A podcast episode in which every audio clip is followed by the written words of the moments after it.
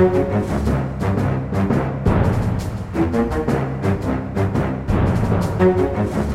men Så fint. Da tror jeg vi setter i gang med denne ukens Aftenpodden. Eh, på plass i studio her er eh, du, Kjetil Alstheim. God dag, god dag. God dag, god dag. Og meg, Lars Glomnes. Og eh, Sara Sørheim har ikke avbrutt ferien sin, eh, høstferien, for å delta i denne ukens podkast. Men det har du, Trine Eilertsen. Direkte inne Ja fra da. fjellet. raserer familie og venners turplaner. Sitter nå på, et, eh, på en hytte på fjellet og kikker ut på de vakre høstfargene. Det har jo regnet så grassat vet hittil i høstferien, så i dag tror jeg alle skal på tur. Eh, Men vi må også nei, prioritere folket.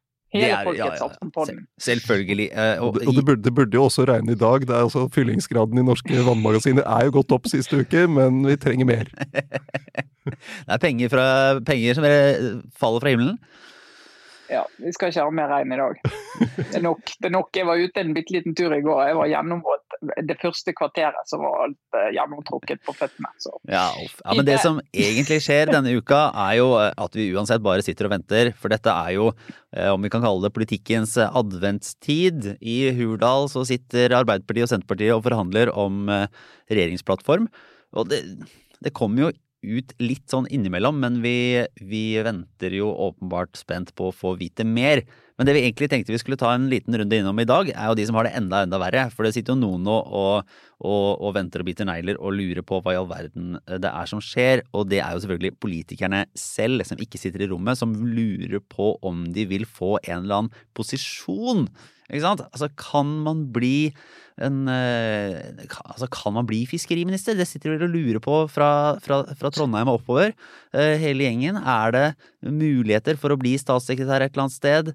Eh, kan det komme en eh, seilende inn fra sida en mulighet som eh, hva skal han kalle det, samferdselsminister fra, fra en eller annen regional storskikkelse i Senterpartiet? Er det en Alle med pendlerbolig i gård sikte? vet jo alle med gård vet jo at de kan bli landbruksminister. Og alle fra Nord-Norge vet at de kan bli fiskeriminister? Ja, Så, ja, for sånn det, det. altså, det her, nå, nå er det vel Det starter vel ikke for alvor helt ennå, men, men de, den tida vi går inn i nå, er den tida der ingen Altså hvis du ringer en politiker fra eh, skjult nummer eh, eller bare ukjent, så vil de ta telefonen. Samme hva. Nå står alle mobiler på i, i døgnet fram til denne regjeringen eh, legges eh, fram. Eh, og man lurer på hvem som skal bekle postene. For det som er Altså, om vi sitter og tegner regjeringskabal, så er det ingenting mot det politikerne selv gjør, Trine. Nei, nei, ikke i det hele tatt. Og det er jo en veldig vittig fase det der. For alle gir jo inntrykk av at nei, vet du, dette her, det bruker ikke jeg energi på. Det må nesten partilederne finne ut av. Jeg går videre med mitt, tenker ikke på det. Eh, og de som får jobben, de får jobben. Jeg blir ikke lei meg hvis jeg ikke får post. Særlig. Men det er jo noen da som allerede har uh, fått en uh, grei tilbakemelding på skal vi kalle det den uh, høyst offisielle medarbeidersamtalen. F.eks. Sverre Myrli som er stappet inn i presidentskapet på Stortinget. Arbeiderpartiets lang, lengesittende representant og samferdselspolitiske talsmann siste periode. Han skal ikke bli statsråd. hadde, kan, kan fort ha hatt en liten drøm om å bli samferdselsminister, men, eh, men, eh, men allerede fått en post. Er det Ja, eh, det er jo noen som har spekulert på om han blir samferdselsminister, og han er særlig opptatt av tog. Men nå er han plassert som visepresident på Stortinget, og det er jo et signal om at han ikke er Altså, det kan gjøres om på, men eh, det er nok et signal på at det blir ikke ham. Jeg tror En ting er hva som faktisk kommer ut i sånne av, av plasser også, men, men mye er også spekulasjoner, og særlig kanskje i Arbeiderpartiet, som er kjent for å være det. Altså, det partiet som har sittet best i regjering, har mest makt, er eh, størst, eh, har mest sånn altså posisjonskamper nesten, nesten om alt. Og det gjør jo at eh, mye settes på spill da, når det er eh, mulighet til å få makt igjen. Så det var jo en sak i Dagbladet her som vi, som vi leste, der, eh, der det kommer liksom bobler litt opp fra, fra undergrunnen hva, hva som står på, på spill. For det er egentlig jeg kunne tenke på det som en positiv sak at Anniken Huitfeldt ble løfta fram som en mulig kunnskapsminister. Ja, Det var en sak i, i Dagens Næringsliv uh, slutten av forrige uke, om der noen kilder pekte på henne som en, eh, en eh, kunnskapsminister. Og Uh, det var kanskje litt overraskende, fordi mange har tenkt at hun, blir, hun kan bli utenriksminister. Hun har sittet uh, som leder av forsvars- og utenrikskomiteen nå uh, forrige periode. og Samtidig så er jo kunnskapsdepartementet og kunnskapsministeren viktig for Arbeiderpartiet nå. Det, det, er 20 år siden Arbeiderpartiet sist hadde den posisjonen. Da var det Trond Giske som hadde den. og i den rød-grønne regjeringen så var det SV som hadde, hadde det politikkområdet. Og det er mange som har snakket om at, at Arbeiderpartiet vil ta det tilbake. Og Støre sa også i et intervju her uh, i mai, tror jeg det var, at uh, Arbeiderpartiet hadde en ambisjon om å ta kunnskapsministeren. Og da trenger de jo en, en sterk, tydelig profil. Og det er klart, Anniken Huitfeldt er jo en med statsrådserfaring og solid posisjon i partiet. Og da kom vi til Dagbladet-saken, for der var, eh, der var da poenget at dette ble sett på som en drittpakke at det rett og slett var litt dårlig gjort å spille, uh, spille inn Anniken Huitfeldt som en mulig kunnskapsminister, uh, fordi det kunne undergrave hennes sjanser til å bli uh, utenriksminister. Ja, og det, det handlet dels om den, den, saken i DN, og så var det en kommentar av Emilie André Erstad i Vårt Land som var liksom kritisk til, til henne. Så det var en kombinasjon av de to, som, der noen da kilder sa til Dagbladet at dette oppfattet de som en drittpakke for å prøve å skvise henne ut fra det fete vervet som utenriksminister, for, for å gi klar bane til Espen Barth Eide. Nettopp. Ja. Vet, dette, skjønner jeg, dette skjønner jeg bare ingenting om. Altså, jeg skjønner at det er sånn, men det er bare den der eh, rangeringen av statsrådsposter. Hvis du skal se hvordan du kan eh, bidra til innbyggernes ve og vel, så er jo kunnskapsminister det er jo helt topp tre. Virkelig helt topp tre. Eh, mens utenriksminister, det er sånn, Se på de siste utenriksministrene vi har hatt. vet Du du skal nesten være tilbakestående for å, for å ikke greie å bli, gjøre en grei jobb som utenriksminister i Norge. Det er en kjempegrei jobb å gjøre. Det var å ta i. Ja, var det det? Ja, var det ikke det? Altså, hvis du skal håndtere ja, f.eks. at USA får Donald Trump som president, og du skal Ja, men det, men det håndterer du jo. Du får hjelp av UD, du får hjelp av politiske motstandere. Du får hjelp av alle til å gjøre det. Det er jo ikke noe vanskelig, det. Det som er vanskelig, er jo også å sørge for at uh, du får gjort rette ting i skolen som gjør at den faktisk uh, ja, utjevner forskjeller, og ungene får bli bedre i det de skal bli bedre i, og at vi kommer videre i dette landet. Det, med, altså, det, siste er jeg jo helt enig i. Altså, for Arbeiderpartiet, som sier at de er opptatt av å bekjempe ulikhet og forskjeller i samfunnet, noe av det aller viktigste du gjør, er jo å gi et uh, godt skoletilbud til alle barn, uavhengig av hvilken bakgrunn de har.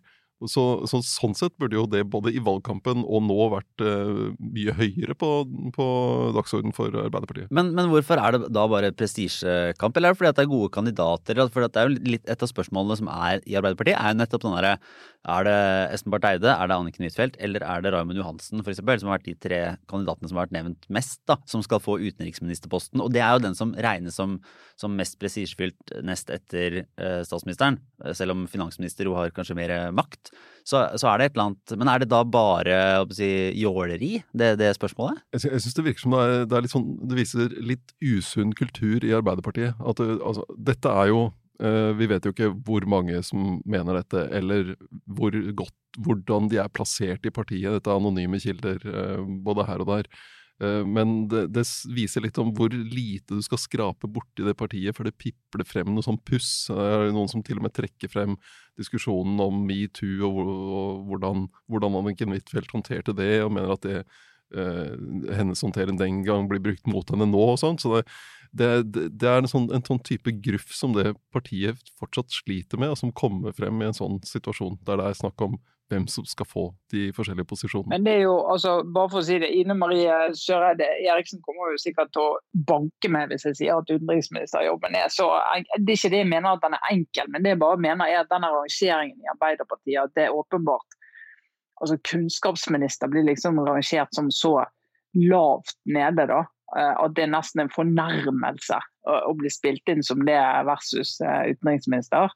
Uh, og det, det, illustrerer jo en annen utfordring, mener jeg, med verken Senterpartiet eller Arbeiderpartiet er jo kunnskapspartier i profil. De vil sikkert være ravende uenig med det, men det er ikke det de har uh, har uh, prøvd å profilere seg på i denne valgkampen. Litt sånn nei til fire-krav og litt annet tjafs, men ikke noe sånn strategi for hvordan du liksom skal få løftet skolen og få løftet lærerne og få liksom dratt norsk skole videre. da. Så det må jo på en måte utvikles etter de kom til posisjon, men at ikke de syns det er viktig, er bare helt forunderlig. Hmm. Og det, og det, var jo litt betegnende at uh, en av de få tingene som er kommet ut da, fra Hurdal av utspill fra, fra Støre og Vedum, var det på, på tirsdag på den internasjonale lærerdagen eller noe sånt, om at de skulle reversere uh, firerkravet ved opptak til lærerutdanning, og reversere det som de kaller avskilting, men som egentlig handler om å sikre etterutdanning av lærere som er, har holdt på lenge, er, men som ikke, mangler en del formell kompetanse. Ellers i arbeidslivet så sier man jo at det å få etterutdanning betalt med lønn uh, mens du etterutdannes, er, det høres ut som en ganske god ting, men i debatten om skole så er det blitt nærmest en sånn avskiltingsspørsmål, noe forferdelig som skjer. Uh, og spørsmålet er jo, men så, det, det, som ikke kom, var jo noe offensivt. Hva er det de vil? Bortsett fra å reversere uh, den avgående regjeringens politikk. Og det vi vet fra Senterpartiet, er at de vil gi mer penger til små grendeskoler for å ivareta det. men men det, det, gjenstår jo som litt sånn uklart. Det de har snakket litt om, er læreplasser og satse mer på, på yrkesfag, som, som, det jo også den avgående regjering uh, snakket mye om og gjorde en del av. Så det, det, er vel noe av det vi kan vente mer av. Ja, fordi politisk, eh, hva er det som har pipla ut egentlig den, den siste uka? Ja, I absolutt den. veldig korte trekk. Ja, det er den. Og så er det en, tiltak for frivillig sektor med, eh, mer momskompensasjon. Som egentlig er en, en støtteordning da, for frivillige organisasjoner, idretten og sånt. Og så det, hadde de et utspill om næringspolitikk der de Uh, egentlig ikke sa noe annet enn det de har sagt gjennom valgkampen. Er det her sånne uh, det er bare sånn pauseting? Altså det er jo ikke noen sånne store hardtslående Eh, tiltak, egentlig. Det er ikke noe som har, har, fått eh, alle til å spisse ørene underveis. Eh, så er det bare noe man liksom slipper for å holde folks interesse litt sånn, en liten forrett da, på det som skal komme, eller, eller mener at det er en, en linje en kan lese ut ifra det som har, har blitt løfta fram så langt? Eh, det korte svaret er ja, dette er bare for at vi skal ha noe å drive med mens vi venter, og ikke skal lage noe leve noe tull med drittpakker og annet. Ja, og ikke drive virkelig, virkelig og prøve å finne ut hvor uenigheten inni partiene er.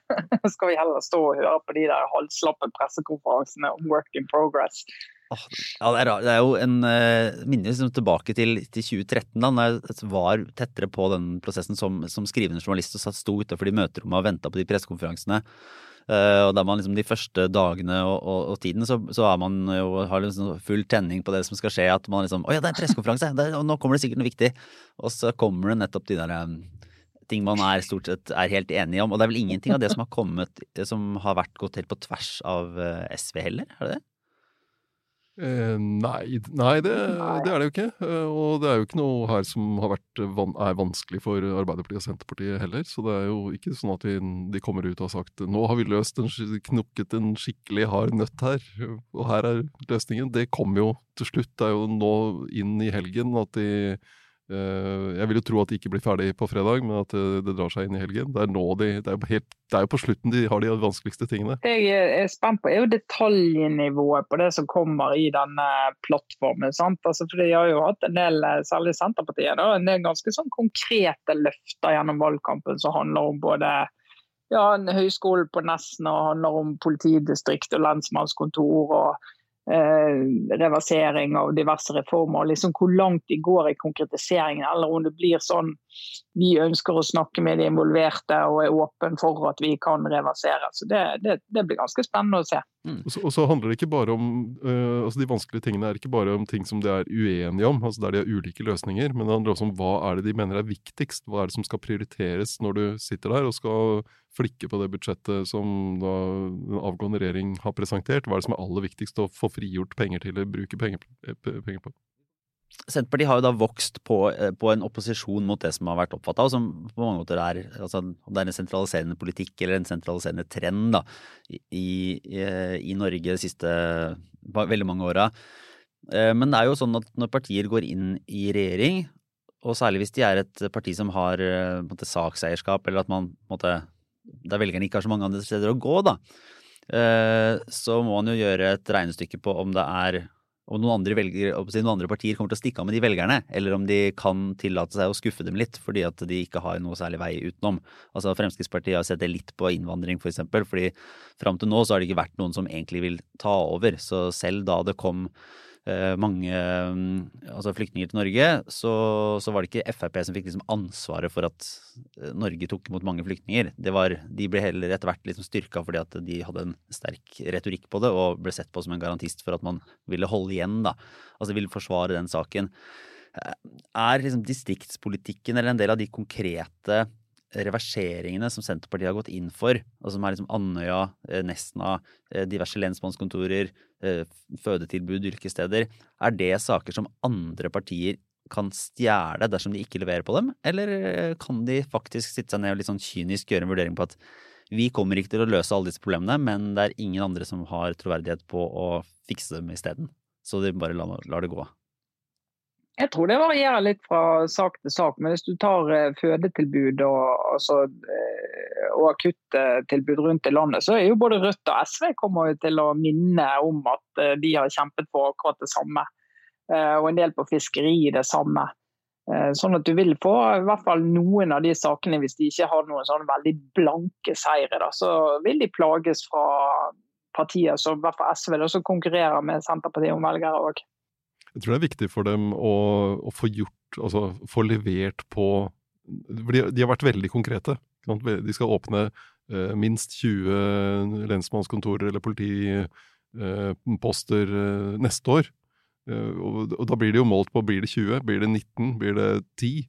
Eh, og de har kommet med veldig tydelige løfter til til eh, Nesna, eh, og hva som skal skje der med et eller annet som skal erstatte Eller skal det opprettholdes? Skal det eh, Noe må skje der. Og de, og de, har jo lent seg på noen sånne eh, folkelige mobiliseringer, som sånne bunadsgeriljaen for fødetilbud og sånne ting, som jo ikke kommer til å nøye seg med lite altså, de har jo fortjenestefullt løfta opp lokale proteststrømninger da, og, og, interesser. og det er, jo, altså, det er en viktig politisk verdi. Men det er jo ikke sånn at de som vil ha en fullverdig høyskole på Nesna, blir kjempefornøyd hvis fødetilbudet i Kristiansund nå opprettholdes. Altså, Nei, og, det, og det, er jo så, det, så, det, det, som er Senterpartiets suksess egentlig foran dette valget, inn i dette valget, var at de greide å sope opp misnøye i hele Norge, som vi er så glad i. uh, så, og det er, gir jo en sånn liksom bred portefølje av, av velgere. Og vi så på den ettervalgsundersøkelsen som, eh, som Aftenposten fikk gjort, der vi spurte var vel 2000 om hva de, hva de hadde stemt, der vi så at, at, eh, at Senterpartiets velgere Andrevalget for ganske mange av dem var enten eh, Fremskrittspartiet eller Rødt. Og da har du, da viser, Det viser at de har tatt de der misnøyevelgerne, de som har en eller annen protest mot en sittende regjering, og de kan jo fort flytte på seg igjen og dra et annet sted hvis de uh, blir uh, misfornøyd med den nye regjeringen også. Ja, og så er, så er, det jo en tenker sånn overfor Arbeiderpartiet òg, som jo har gått valg på en tillitsreform. Og Nå er det jo litt sånn uklart hva en tillitsreform er, men i hvert fall sånn som veldig mange leser det. Da så er det jo at du skal gi liksom de som sitter med hatten og skoene på, og fagpersonene, mer, mer rom for å definere hvordan de skal prioritere ressurser på stedet. Eh, og både liksom å gå inn og overstyre Universitetet Nord med Nesna, og å gå inn og overstyre sykehus, sykehusregionene med akutt og, eh, og fødetilbud. Altså så er det en del av disse, Og lensmannskontoret, du skal gjenopprette det. Vi hadde en sak i Aftenposten i dag om at mange av de tillitsvalgte syns kanskje ikke det er en så veldig god idé.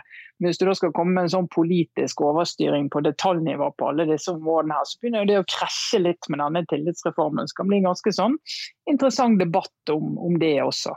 Og Der var det et interessant utspill fra Bjørn Arild Gram, som er leder for kommunenes eh, interesseorganisasjon KS, og som er Senterpartipolitiker, og som er aktuelt som mulig statsråd. Ja, Det vil jeg si. Han har helt sikkert telefonen sin på, for det, det, han er jo en maktfaktor ja. i Kommune-Norge. Og som var ute og snakket om den tillitsreformen, og bare sånn eh, Ja, altså forresten, kremt, husk at vi er noen arbeidsgivere her, og vi skal, vi skal ja, ha tillit til våre ansatte, men vi må ha en viss styring på at vi faktisk får utført oppgavene og kvalitet i de tjenestene vi skal levere. Så mm, det skal bli interessant å se hva den tillitsreformen faktisk kommer til å inneholde. Mm. Men eh, vi fortsetter. Hvis velgerne blir misfornøyd med det, med det, Senterpartiet gjør og får gjennomslag for i regjering, så kanskje de kan gå til et eh, KrF med ny ledelse. Eh, for der er det jo stadig, stadig, utvikling. Bare en kjapp sving innom der. For nå har jo de to kandidatene, Olaug Bollestad da, fra, fra Rogaland og Dagny Gulstein fra Hordaland, altså Bergen, er vel utgangspunktet hans, i hvert fall eh, distrikts... Hvor han velges inn fra. Eh, er jo nå kandidat... Altså, er de kandidater? De, har de, hva har de sagt? De har jo ikke sagt noe. Nei, men de er kandidater. Men- det kan vi være trygge på. De har jo ikke avvist eh, at de er kandidater. De bare sier at valgkomiteen må jobbe. Ikke det sånn det, Jo, det er så jo så er, det er vel sånn at det partiet ikke vil gå De vil helst ikke gå inn i det landsmøtet med en delt innstilling. altså, altså, de har så gode erfaringer med å, dele partiet på midten. Jeg skjønner ikke hvorfor de skal begynne å, begynne å bli enige nå. De hadde kjørt den åpneste prosessen gjennom tidene, der man kunne måtte plukke person for person gjennom, eh, for, å, for å finne ut. Og så mener de at de skal gjøre det på en annen måte. Det er veldig, veldig spesielt. Det er uh, rart. Men eh, på grunn til at det har egentlig fått ny aktualitet, er jo at, at Ulstein har fått støtte fra flere store fylkeslag, og, og, dermed ligger ganske mm, tydelig foran da, dersom man skulle telt altså, dersom skulle telt delegater, på en måte, så så skal man jo finne sammen. Men, eh, men det er jo det er jo et interessant eh, valg som også kan få litt å si for KrF.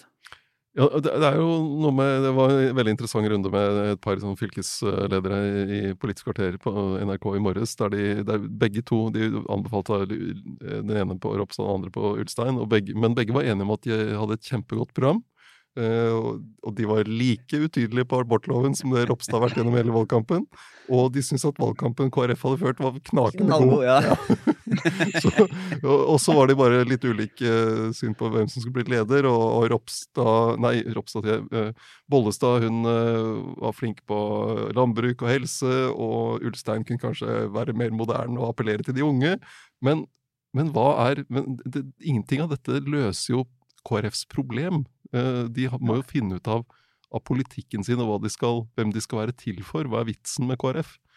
Og det er noe av problemet med at de nå har fått et ledervalg oppi en, eh, et eh, elendig stortingsvalgresultat.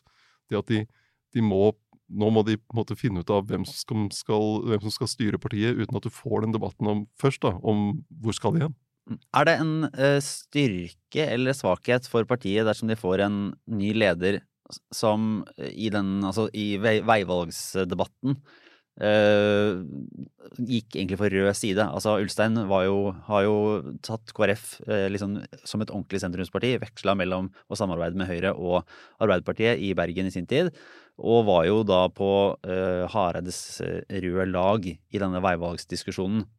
Det er jo en, på en måte en utfordring hvis han skal gå inn tre år etter den diskusjonen og føre en politikk som han liksom helt, altså helt grunnleggende da, eh, ville samarbeide i en annen retning med. Men det kan jo også gi et rom for å skape en sånn parlamentarisk spenning i Stortinget for samarbeid med tanke på framtida. Ja, jeg vet ikke, det her er et veldig vagt spørsmål, fordi det bare er et, et komplisert uh, jeg tror vel de som er igjen i KrF nå, de, de er ikke så opptatt av det, tror jeg. For det er jo ikke en aktuell problemstilling. Uh, Og, og hvem de skal samarbeide med nå. Eh, Og som eh, og de kan også legge den forrige diskusjonen bak seg ved å si at det var ut fra situasjonen på Stortinget da. Da var det et, valg den gang. Det var ikke et valg for, for, eh, som, for evig og alltid. Sånn at det er fullt mulig for KrF å bare la være å forholde seg til De trenger ikke en reprise på sidevalgsdiskusjonen. Det er ikke, noe, det ikke det det handler om nå. Altså jeg, tror, jeg tror det som den eh, nye partilederen må evne å gjøre, det er også å dra i gang en skikkelig god politisk diskusjon i partiet, der de får gjort noen avklaringer og utviklet noen standpunkt som faktisk funker i 2021 og 2025. Eh, og Der er de ikke i dag. og Hvem av de to som kan klare det, det har ikke noen forutsetning for å, for å mene noe om. Men det andre den personen bør, eh, bør gjøre, er å lage si, en liten oppskrift på hvordan KrF skal håndtere at de av og til er nødt til å Altså, De må jo velge side med gjerne mellomrom. sant? Det er et sentrumsparti. Eh, og jeg tror, er, altså jeg tror ikke det er mange nok i KrF som er villige til å si at vi skal klistre oss til én side for evig og alltid. Og liksom gi opp hele den sentrumsposisjonen. At For mange vil det være situasjonsbetinget, altså i den politiske situasjonen. Men hvordan skal de gjøre det? For sånn som de gjorde det forrige gang, selv om mange skryter av at det var åpent og høyt under taket og gøyt og alle fulgte med på det, så var det jo veldig skadelig for partiene og tilliten mellom folk og partiet pga. rekkefølge. Ting ble gjort på, spilleregler ble laget underveis. Eh, Det var voldsomt mye mistenksomhet. og det er jo en dag i dag er det jo folk i det partiet som ikke snakker sammen pga. den dårlige prosessen. Men det er det som er da interessant også, at eh, parti, altså nettopp at det er både oppfattelsen at det var så opprivende, men at det likevel kan som du snakket om, Kjetil, settes til en tid, og at, uh, og at også fylker som, som, ikke nødvendigvis var på Ulsteins lag den gang, nå vil ha ham som leder. Selv om, selv om uh, Olaug Bollestad jo var en av de fremste for, eller etter hvert ble i hvert fall en tydelig forkjemper for å samarbeide med høyresida. Ja, nei, det, det, Jeg tror det, jeg tror det altså, de, de, har jo hele veien definert seg fortsatt som et sentrumsparti, og så var det den prosessen som ble eh, opprivende og, og, skadelig for partiet. Og det mener jeg var problemet eh, for Knut Arild Hareide som leder, var at han overrumplet sitt eget parti med et sidevalg. Mm. De, de, var igjen eh, De hadde ikke den våren før uh, våren 2018 hadde vist at KrF ikke greide å håndtere den situasjonen de var i på Stortinget. De ble en sånn uh, en brikke som alle andre spilte med, uh, der de ble overdynget med forslag fra de andre partiene fordi KrF var nøkkelen for å danne flertall. Mm. Og de greide ikke å ta styring over det selv. Det var ingen prioritering av hva er det egentlig som er viktigst for KrF. Hva er det vi skal bruke den vippeposisjonen vår til? Og så kom, kommer han med dette plutselig, vi må velge hvilken side vi skal gå i regjering med. Uh, og de fikk ikke tatt den, diskusjonen, den politiske diskusjonen den gang heller. Hva er det som er viktigst for KrF? Hva slags parti skal vi være? Hmm. Uh, da tror jeg vel egentlig at vi hopper videre til en runde med obligatorisk refleksjon. Så jeg vet ikke om du har lyst til å begynne, Trine, som sitter og ser ut over uh, norske fjell og, og daler.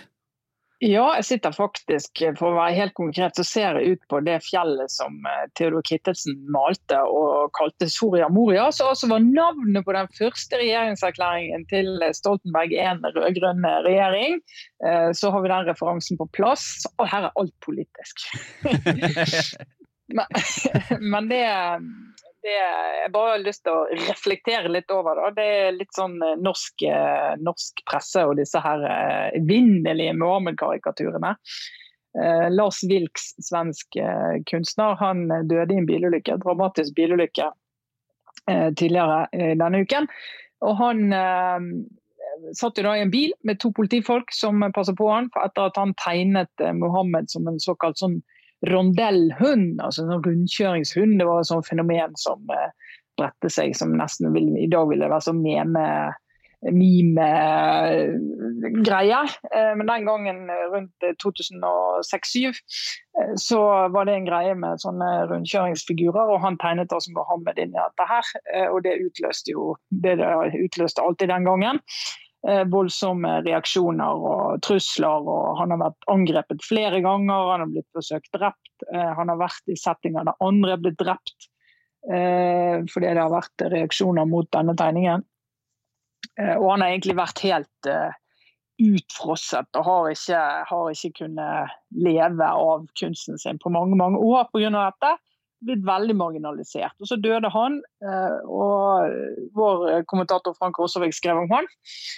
Og måtte jo skrive om denne tegningen som forandret livet hans så totalt. Og, og, vi diskuterte skal vi publisere eller ikke publisere. Og den teksten til Frank den tilsier at den tegningen må selvfølgelig publiseres i en sånn setting. Eh, og så er det jo mange norske medier som har skrevet om dette. Men her, eh, hvis noen eh, lurer på om vi har mediemangfold i Norge, skal jeg si at det har vi her. Det er faktisk ingen andre som har publisert tegningen denne gangen her. Eh, og Der ser jeg at uh, vår vurdering står, står, ut. Vi står ganske alene. og Det synes jeg er litt så interessant. Ikke engang Media24 har skrevet om det.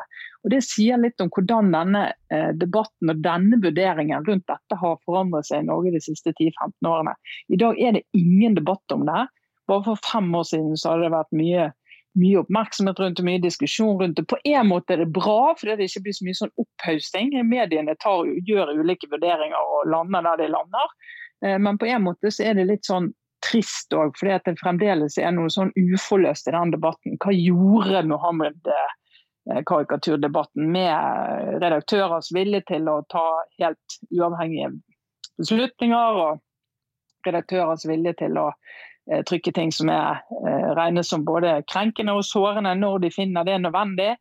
Uh, og Den debatten der syns ikke jeg at vi skal være ferdig med, i hvert fall. Men jeg bare, jeg bare registrerer at der uh, skilte vi lag, i hvert fall. Norsk, og det var, jeg må si, som, som ren uh, som leser, så var det, det var en veldig god kommentar som jeg også har delt på Facebook-sida til Aftenposten, så der kan den jo leses.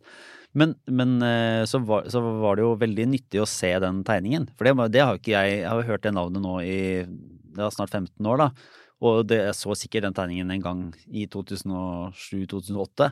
Men liksom, min interne fortelling, eller liksom huske hvem altså Lars Vilks, var, han liksom, var det en provoserende tegning? Var det noe som var på en måte altså, hatefullt i sitt liksom, uttrykk, eller hva det var? Eh, så var det sånn helt relevant å kunne se hva det faktisk var som var tegna. Mm. Eh, og, og, og, på en måte en helt naturlig del av den kommentaren, da. Så, så det er jo litt Eh, ja, jeg skjønner dilemmaet og, og spørsmålet om hvorfor det ikke er regna som naturlig av veldig veldig mange andre. Men Kjetil? Eh, Dagsrevyen viste jo også tegningen nå, mm. i forbindelse med Lars Vilks uh, død, som, men det var som, De viste da en faksimile fra en av de avis, svenske avisene som hadde publisert tegningen. Det var noen som etterlyste hvorfor Dagsrevyen ikke hadde vist den, og så måtte de se innslaget et par-tre ganger til før de så at det faktisk var vist. Så det, det, det er også litt sånn det er blitt, at uh, man kanskje viser tegningene, men gjør det veldig, veldig, veldig, fort. veldig fort. eller ganske avdempet. men du skrev jo om det, Trine, en gang, om hva, hva den, hele den karikaturstriden har gjort med redaktører, ja. og det at det ligger et reelt element av frykt inne i de vurderingene som Altså risikovurdering, da, som ligger inne i de når man tar slike beslutninger. Ja, og jeg, og jeg, mener jo at det er viktig å være ærlig om det, og ikke, og ikke, late som om det er en helt vanlig redaksjonell vurdering, for det er det ikke.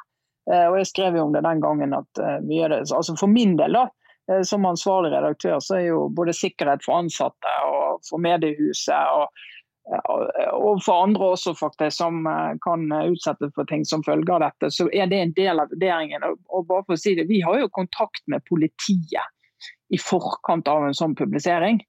Eh, og Det er liksom en del av vår rutine, og det er jo ingen andre publiseringer vi har det sånn med.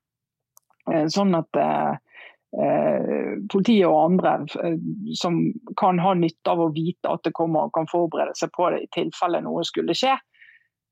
og det gir, jo det hele et spesielt overbygning, som ikke andre redaksjonelle beslutninger har. Men det som jeg i hvert fall må bare få skryte litt av både norske myndigheter og politiet og alle som er det, at de er jo veldig, veldig hva skal jeg si, på, på, på, det sporet at de vil aldri blande seg inn i redaksjonell beslutning, og de er veldig tydelige på det, men de vil gjerne ha en heads up hvis, uh, hvis de publiserer noe som kan utløse uro et eller annet sted, eller kan utløse Sette noen i fare, da.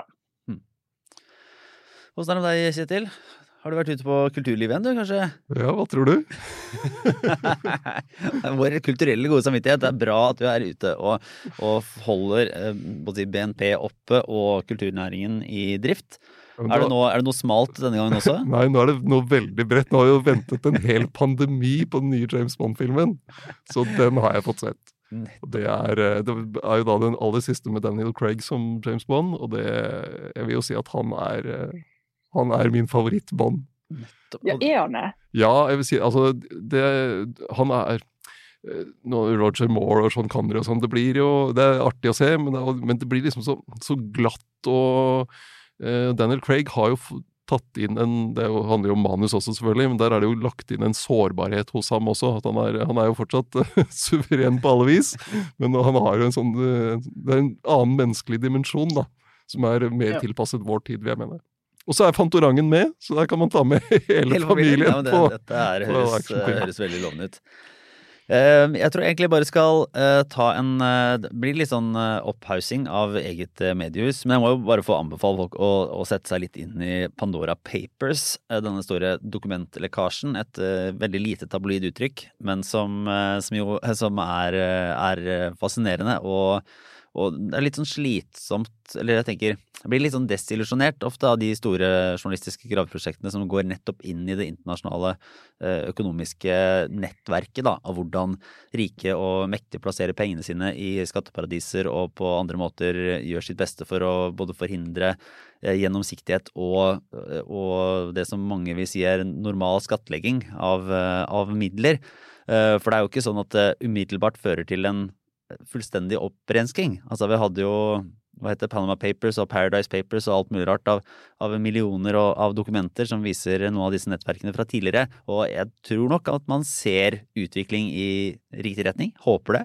Eh, men det, det går jo ganske sakte framover. Men det arbeidet som er gjort, er vanvittig imponerende, og eh, det er mange, mange gode saker som, som eh, virkelig tar oppdraget på alvor da, og, og lyser opp ganske, ganske mørke rom. Så det er, det- er jo imponerende jobba. Og litt sånn kult det der samarbeidet Trine. Ja, det er, veldig, det er et veldig kult samarbeid. Det er jo ICI, og det heter altså Internasjonale journalistkonsortium. med Hundrevis av journalister som jobber sammen i mediehuset over hele verden. Men det som er eh, kult å se, det er jo at det hjelper faktisk. Altså, ja, jeg er helt enig med deg, Lars. Nå kommer det en ny pakke med papers, og vi ser at eh, det fortsetter og det fortsetter. Men for hver gang en sånn eh, sak blir eh, rullet opp og belyst og, og vist frem, eh, så blir denne diskusjonen om internasjonale skatteregler, om internasjonalt skattesamarbeid og liksom åpenhet og transparens eh, blir bedre og mer spisset. da.